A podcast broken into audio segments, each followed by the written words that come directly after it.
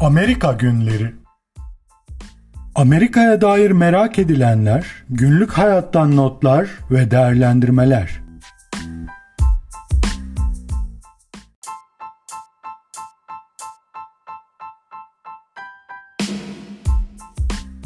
Merhaba sevgili dinleyenler. Amerika Günleri Podcast'in Korona Günlükleri 10 başlıklı bölümüne hoş geldiniz.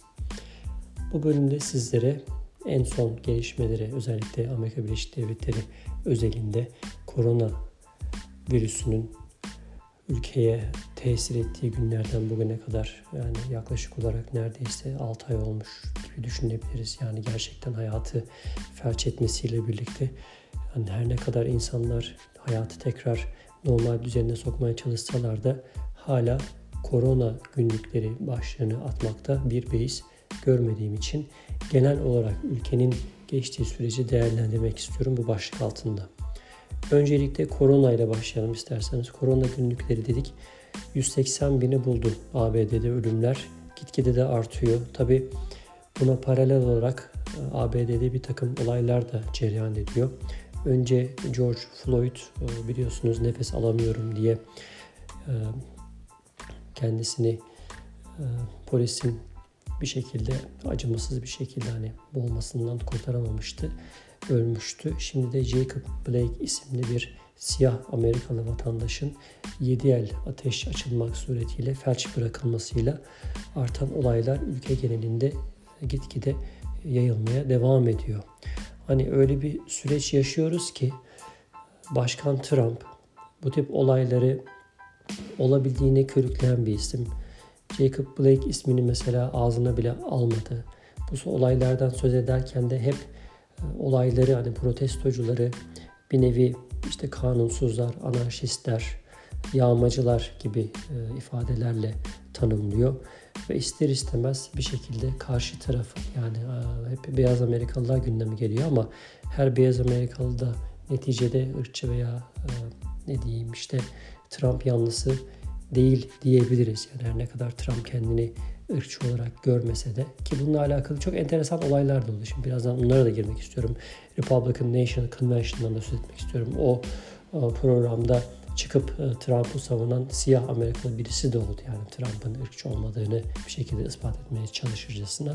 Ama şöyle bir şey var yani Trump ırkçı olmasa dahi, kendini ırkçı olarak tanımlamasa dahi bu hadiselerin, bu olayların tırmanmasında bir e, rol olduğunu düşünüyorum şahsen. Belki öyle ki özellikle hani tamamen ortadan ikiye bölünmüş bir ülkenin e, başında böyle bir başkan bulunması Amerika için de büyük bir talihsizlik olarak diye de düşünüyorum.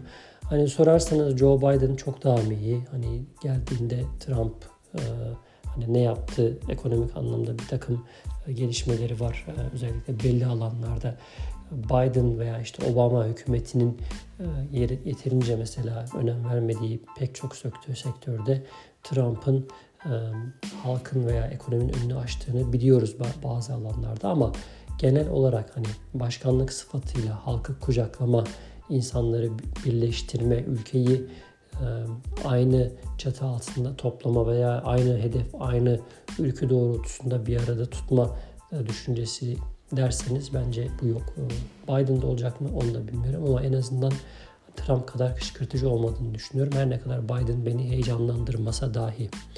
Evet, şimdi genel olarak ülke genelinde protestolar var dedik. Bunlarla alakalı ülke ikiye bölündü. Yani protestoyu destekleyenler ve karşısında duranlar ki karşısında duranlar e, ister istemez Trump hükümeti veya Republican Parti, Cumhuriyetçi Parti destekçileri olarak görülüyor. Sadece burada mı bölündü ülke? Hayır, hemen hemen her şeyde ülke ikiye bölünmüş durumda. Ciddi anlamda bir kutuplaşma var. Maske takma meselesi bile. Yani burada yine Trump'ın rolü var. Yani bu kutuplaştırmada e, başı çeken iki aktörlerden bir tanesi Trump. Maske takılmasıyla alakalı yaptığı açıklamalar, e, onu takip eden cumhuriyetçi valilerin kendi eyaletlerinde maske takma zorunluluğunu kaldırmaları ve akabinde bu eyaletlerde işte korona vakalarının ciddi anlamda artması maske takanlar ve takmayanlar olarak e, ülkeyi ikiye böldü. Ardından aşı karşıtlığı olaya çıktı mesela. Bunun siyasi bir ayağı da var e, ama bu tamamen biraz şeyle alakalı. Hani konjonktürle alakalı. Şu an mesela biz Massachusetts eyaletinde yaşıyoruz. Koronavirüs geçmediği için, kış tekrar geldiği için bu dönem en azından virüse karşı e, bir şey yapamasak dahi grip aşısına dahi bir önlem alalım diyerek e, Massachusetts eyaleti okul çağındaki bütün öğrencilerin aşı vurulması yani grip aşısı vurulması zorunluluğunu getirdi. Fakat e, şöyle bir kapı araladı. Herhangi bir sağlık durumu veya dini sebeplerden dolayı isteyenler aşı olmayabilir diye bir şey öne sürdü. Buradan hani Amerika özgürlükçü bir ülke. Yani aşı dahi olsa yani sağlıkla alakalı bir mevzu da olsa siz bunu insanlara zorla yaptıramıyorsunuz ve bir grup insan aşı karşıtı grubu bir grup insan hemen e, ilk günden e, tepkisini ortaya koydu. Yani çocuklarını aşı vurdurtmayacaklarını. Yani bir şey zorunda olduğunda bir şey bir şekilde böyle mecbur kılındığında niyeyse illaki bir tepkiyle karşılaşıyor ki bu insanların sağlığı için menfaati dahi, dahi olsa böyle bir durumla karşı karşıya kalıyoruz. Bu da enteresan bir durum. Yani aşı karşıtlığında da ülke bölündü. En azından bizim bulunduğumuz eyalette bu durum söz konusu. Çocukların okula gitmesi mevzusu, okulların açılması mevzusu yine ülkeyi böldü. Burada ister istemez mesela e, ben şimdi kendi görüşüme de birazdan yer vereceğim bununla alakalı. E, eyalet bazında veya ülke bazındaki durumla alakalı biraz açıklama yapacağım. Ülke bazında Trump Nisan ayından beri e, opening up the states ağzından düşmeyen bir ifadeydi yani. Eyaletleri tekrar geri açacağız. Yani normal hayatlarına geri dönecekler.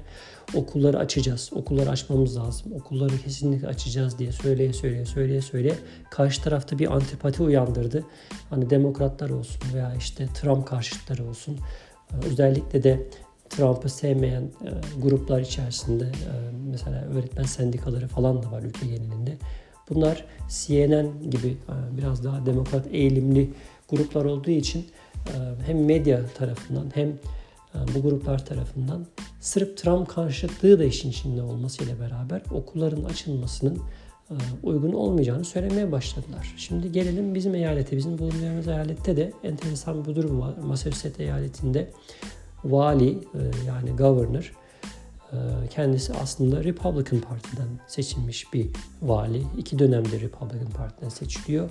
Fakat e, gelin görün hani Trump'ı destekleyen birisi değil. Ee, Trump aynı çizgide değil.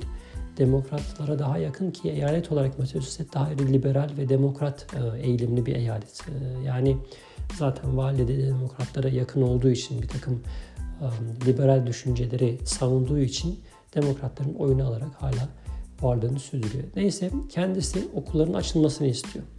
Açılmasının arkasında yatan yani açıkladığı sebep kendince izah ettiği sebep equity dediği yani e, imkanların e, fırsat eşitliğinin insanlara eşit bir şekilde dağıtılmaması özellikle gelir dağılımındaki adaletsizlikten kaynaklanan e, fakir öğrencilerin özellikle bu eğitim sürecinde çok ciddi anlamda e, mağdur olmalarından dolayı okulların açılmasını istiyor. Fakat bununla birlikte onu motive eden başka bir etken de yani hiç e, şüphesiz unemployment dediğimiz işsizlik oranı şu anda Massachusetts %17'den %16'ya geriledi ama e, geçen seneye kıyasla %2'lerde olan bir oran çok ciddi anlamda yükselişte ve ülkenin en yüksek e, unemployment oranı yani işsizlik oranı olduğunu söylüyorlar. Tabii bu bir motivasyon yani okulların açılmasını istemesi ve bunun noktada itici bir güç olması, okullara, okul yönetimlerine baskı yapması ister istemez kaçınılmaz. Bir sonuç böylelikle insanlar işlerine gidebilecekler. Yani çocuklar evde durduğu sürece kimse evden çıkamıyor. Evden çıkamamak demek evden çalışmak demek veya bazı insanların hiç çalışmaması demek. Bu da ekonominin ister istemez normal düzenine dönmemesi demek. Her ne kadar e, onun sözünü okul yönetimleri %100 anlamında dinlemeseler de e, okulların açılması noktasındaki baskısı devam ediyor. Önümüzdeki günlerde işte sağlık oranları, hastalık vaka oranları, sayıları vesaireler bunlar dikkate alınarak tekrardan e, okullar her ne kadar çoğu okul uzaktan eğitimle öğretim yılına başlasa da en kısa zamanda bunların normal eğitime dönmeleri için bir baskı yapıyor. Evet bu da bir bölünme sebebi yani okullara gidip gitmiyor meselesi. Postayla o kullanma meselesi Amerika'da. Yani şu anda yine Trump'ın bu işin içinde olması, Trump'ın postayla oy kullanma hadisesine bakışının tamamen e, kalpazanlık veya üçkağıtçılık veya işte sahte oy kullanımını artıracağı iddiaları ki bence tamamen haksız da sayılmaz yani e, oy kullanmayla alakalı. Belki daha önce de bahsetmişimdir. Bizim eve de mesela seçimlerle alakalı yani oy pusulası gelmedi ama oy pusulası istiyor musunuz diye bir kağıt geldi. O kağıdı dolduruyorsunuz, imzanızı atıyorsunuz. Evinize oy pusulası geliyor yani neticede.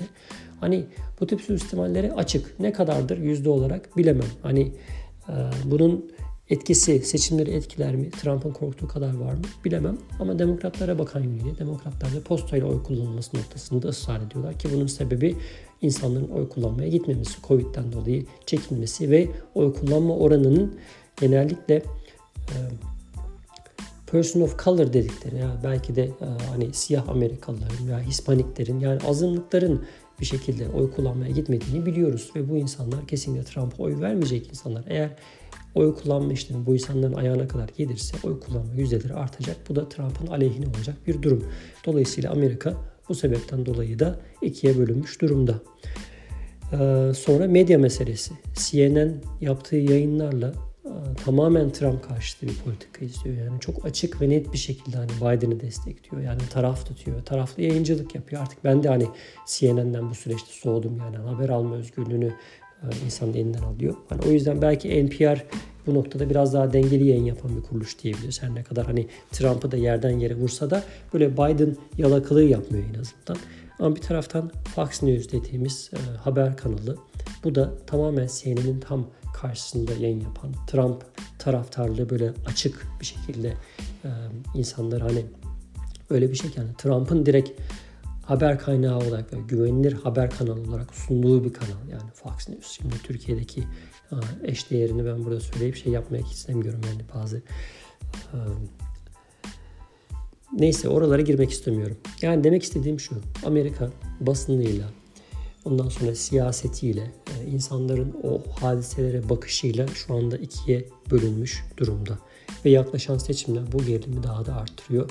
Korkum o ki bu hadiseler özellikle siyah Amerikalılara e, yönelik şiddetin e, bir takım ortaya çıkardığı bölünmeyle beraber ortaya çıkan bu bir gruptaki aşırı hassasiyet, diğer gruptaki aşırı böyle vatansever, ondan sonra e, biraz daha ırkçılığa kayan beyaz e, ırkın üstünlüğünü ister istemez ortaya çıkarmaya çalışan bir olay söz konusu oldu. Yani olayın tabi e, en son geldiği noktada özellikle en son gösterilerde belki duymuşsunuz Illinois eyaletinden bir çocuk 17 yaşında bir çocuk Wisconsin'e gösterilerin olduğu yere gidiyor. Elinde silahla daha 17 yaşında ve göstericilerin üzerine silahla ateş açıyor. Ondan sonra iki tane göstericiyi orada öldürüyor.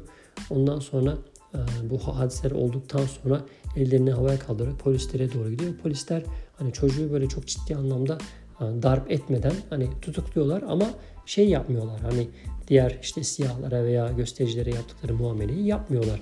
Bu tip görüntüler e, Amerika'yı şu an ciddi anlamda bölüyor. Şimdi CNN'e sorsanız Joe Biden önde anketlerde. Fox News'e sorsanız e, Trump zaten aldı başını gidiyor. Hani oyunu daha da artıracak gibi gözüküyor. Yani gerçekten bir bölünmüş söz konusu. Şimdi bu süreçte bir oy veren olarak yani ben ne yapacağım diye sorarsanız hani açıkçası ben de hani şu anlamda ikisine de böyle gönül rahatlığıyla oy verebileceğimi zannetmiyorum. Ne Trump'a ne de Joe Biden'a. Ama kötünün iyisi diye sorarsanız böyle bir tercih yapacağımı düşünüyorum kendi anlamında. Bu arada insanların yaşlarına bir bakayım dedim. Özellikle geçen günlerde e, bu Republican National Convention e, 3-4 gün süren bir hadiseydi. Dördüncü günün sonunda Trump'a adaylık sunuldu ve Trump adaylığını kabul etti. 3 gün boyunca partinin önünde gelen isimleri konuşmalar yaptılar. Halkı böyle hani bir dolduruşa getirme, böyle bir insanlara neden Trump'ın başkan olması noktasında e, ikna etmeleri gerektiğini anlatmaya çalıştılar. Burada dikkatimi çekti. Melania Trump, Trump'ın eşi malum kendisi Slovakya olması lazım. Asıl kökeni o da aslında çok enteresan bir durum. Yani eşi zaten bir immigrant yani göçmen ve ilk geldiği yıllar e, hakkında şey söylentileri var. Yani normal çalışma vizesi olmadan turist vizesiyle geldiği ve bunu e, bir şekilde suistimal ettiği yani vizesi çalışma vizesi olmadığı halde çalıştığı ve para aldığı gibi bir takım şeyler var mesela iddialar var. Ama bir taraftan da Trump mesela immigration'e yani göçmenlik politikalarına karşı yani insanları göndermek istiyor. Özellikle bu şekilde gelen yasa dışı yollardan usulsüz şekillerle gelen insanlara karşı bir antipatisi var. Ama kendi karısı böyle. Yani çok e, garip hadisler oluyor. Yani özellikle Trump özelinde yani adam söylediği veya işte sahip olduğu değerlerle hiç alakası olmayan bir tip aslında böyle vatanseverlik hani onun dışında ne diyeyim hani vatanda sahip çıkma ondan sonra muhafazakarlık dini değerler ya bunların hiçbirisi olmayan bir insan ama bu insan şu anda bu değerleri sanki temsil ediyormuş gibi bir şey var yani ortada bir tablo var. Yaşlarına bakayım dedim. Melania Trump 50 yaşındaymış. Donald Trump 74 yaşındaymış. Aralarında 24 yaş fark var. Ee, Joe Biden da 77 yaşında, neredeyse 80 yaşına gelmiş bir ihtiyar yani. Şimdi bu adamı başkan yapacaksınız. Ee, gerçekten beni düşündü. Şimdi yanına Kamala Harris diye birisini aldı. Bu da Jamaika ve Hint e, karışımı kökeni siyah Amerikalı olarak biraz daha hani e, öne çıktığı için hani kampanyaya biraz renk getirme anlamında biraz siyah Amerikalıları yönelme noktasında ee, ve kendisi yani bu anlamda bana göre Joe Biden'dan çok daha fazla heyecan verici birisi diyebilirim yani en azından e, yaptığı çalışmalarla söyledikleriyle e, daha böyle tuttuğunu koparan veya idealist bir insan diyebiliriz. Evet.